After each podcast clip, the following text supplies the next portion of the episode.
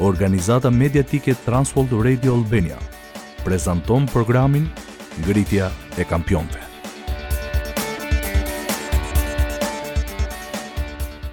Në emisionin e fundit diskutuam për një situatë ku babai bënte potere sa herë që ishte në të njëjtin vend me nënën dhe njerkun. Sot duam t'i rikthehemi këtij skenari. Çdo herë pas kësaj ngjarjeje, Babai vinte, të kërkonte falje dhe të premtonte se s'do ta bënte më, por prapëseprapë e bënte.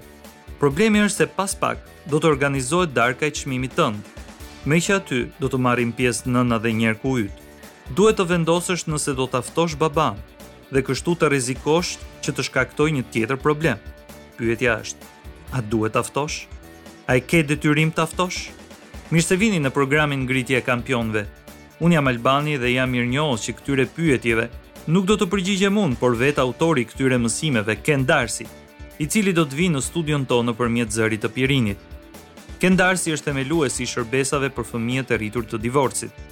Gjatë kësaj serie, kemi mësuar se kjo lloj dileme nuk është e pazakontë për të rriturit me prindër të divorcuar. Por si t'i trajtojmë këto situata? Këtë do ta mësojmë kur të rikthehemi.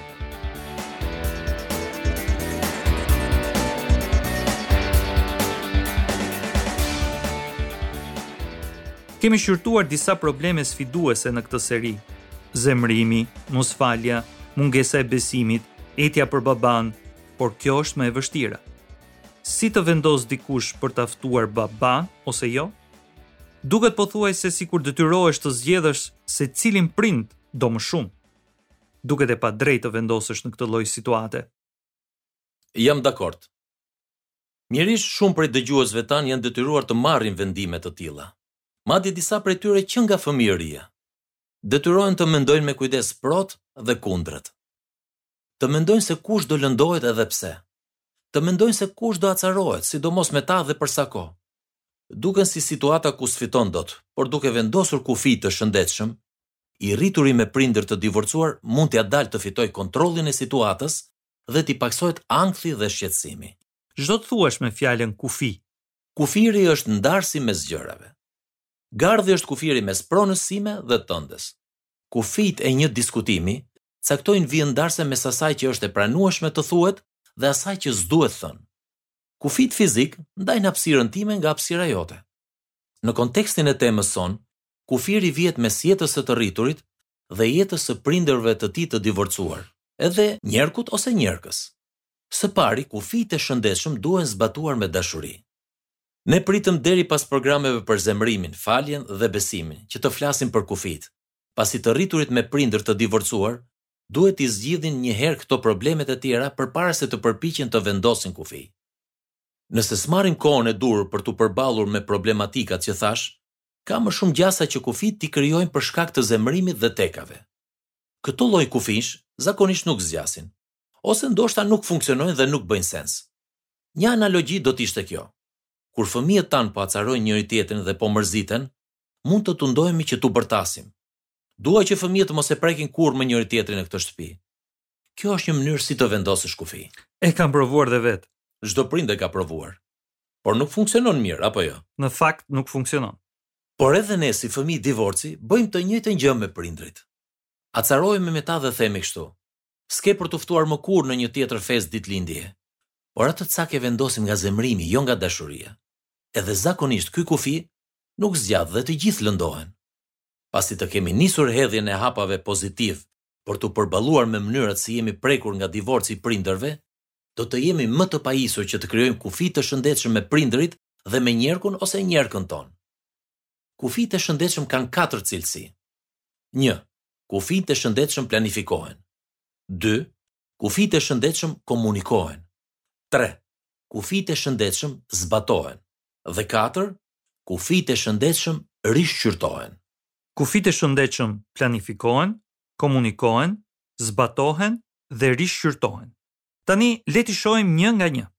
Cilësia e parë e kufijve të shëndetshëm është se planifikohen.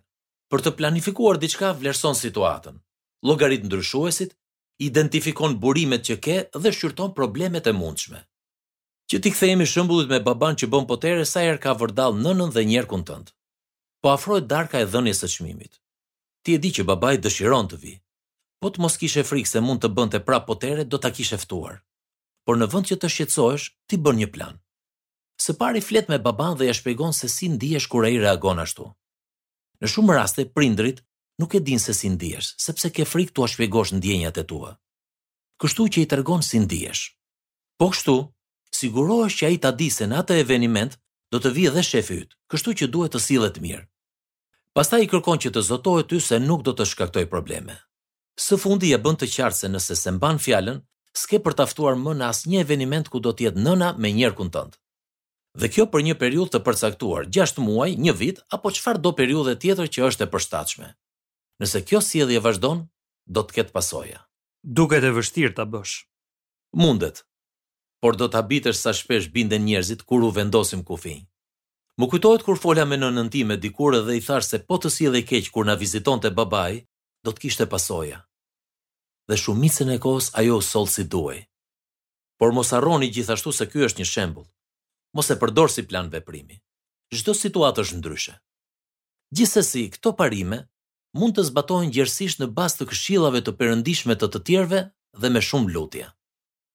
Kështu fillimisht fol me babanë.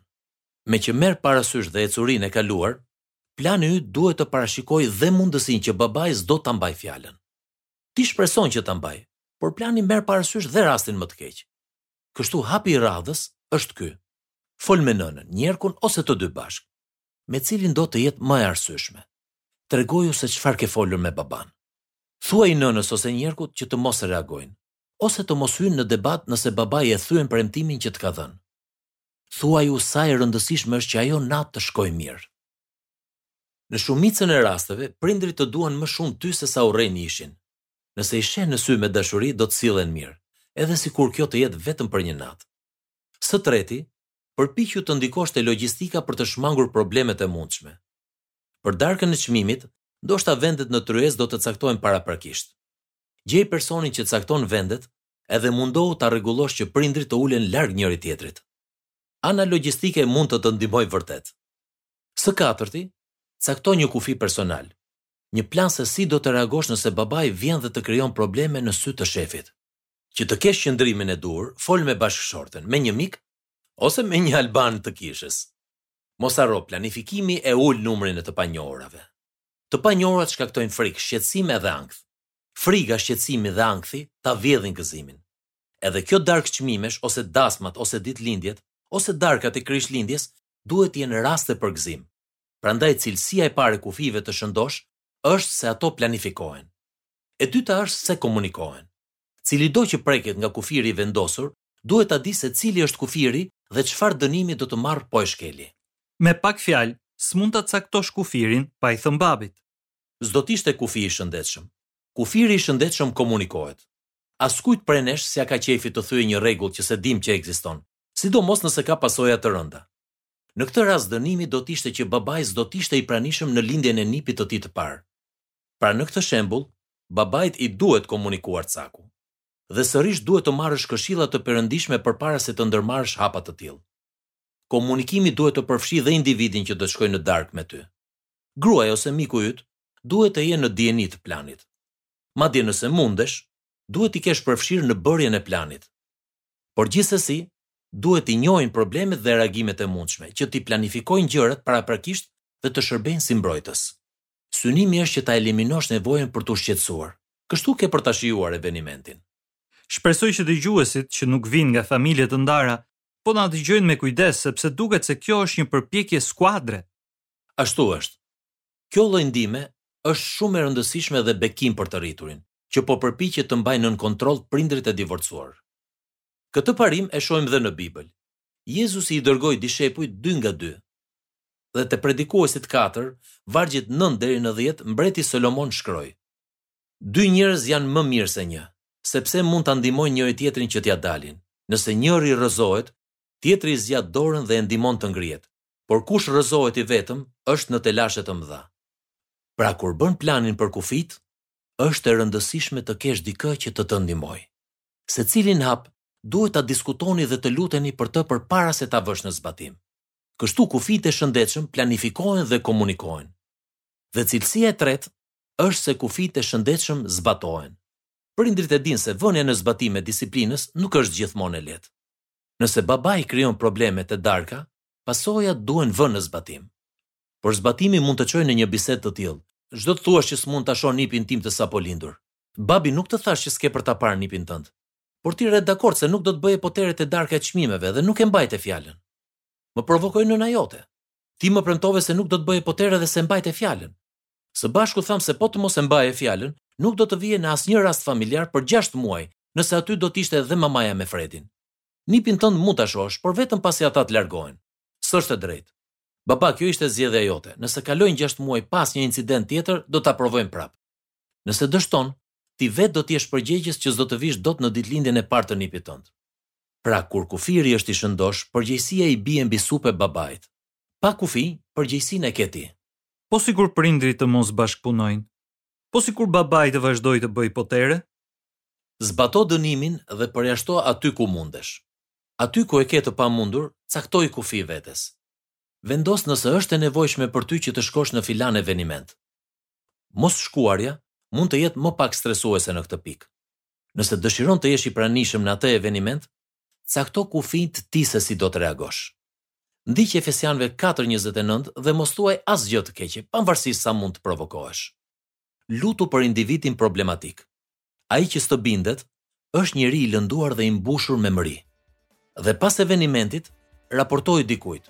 Tregoji dikujt se si shkoi evenimenti dhe si u ndjeve. Nxirre nga vetja. Mos lejo të të rritet mllefi nga brenda. Pra ky ishte një vështrim i shpejtë i kufijve të shëndetshëm. Këto mund të zbatohen në një larmi situatash. Në fillim mund ta kesh të vështirë, por këmbëngulja do të të japë më tepër kontroll mbi situatat dhe më pak shqetësim dhe ankth.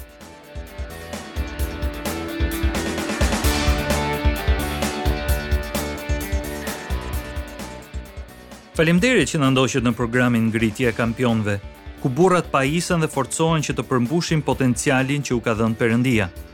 Shpresojmë se ky program për kufijtë të ka shërbyer. Për të mësuar më shumë për këtë seri, shko te faqja jonë në www.championsarise.org dhe kliko te Thyerja e ciklit të divorcit. Po kështu na shkruaj një letër në Trans World Radio Albania kutia postare 130 Tiranë ose një email në adresën valeteungjillit@yahoo.com. Kufijtë janë të rëndësishëm për të gjithë ne, por sidomos për vëllezërit dhe motrat tanë. që janë rritur në familje të divorcuara. Në emisionin e ardhshëm, do të kemi një kohë pyetje përgjigje me autorin e këtyre mësimeve, Ken Darsin. Unë jam Albani dhe me mua në studio ishte Pjerini, që edhe sot ishte në rolin e Ken Darsit. Ju falënderoj që dëgjuat programin Ngritja e Kampionëve. Perëndia ju shndërroftë në burrin që ai e di se ju mund të bëheni.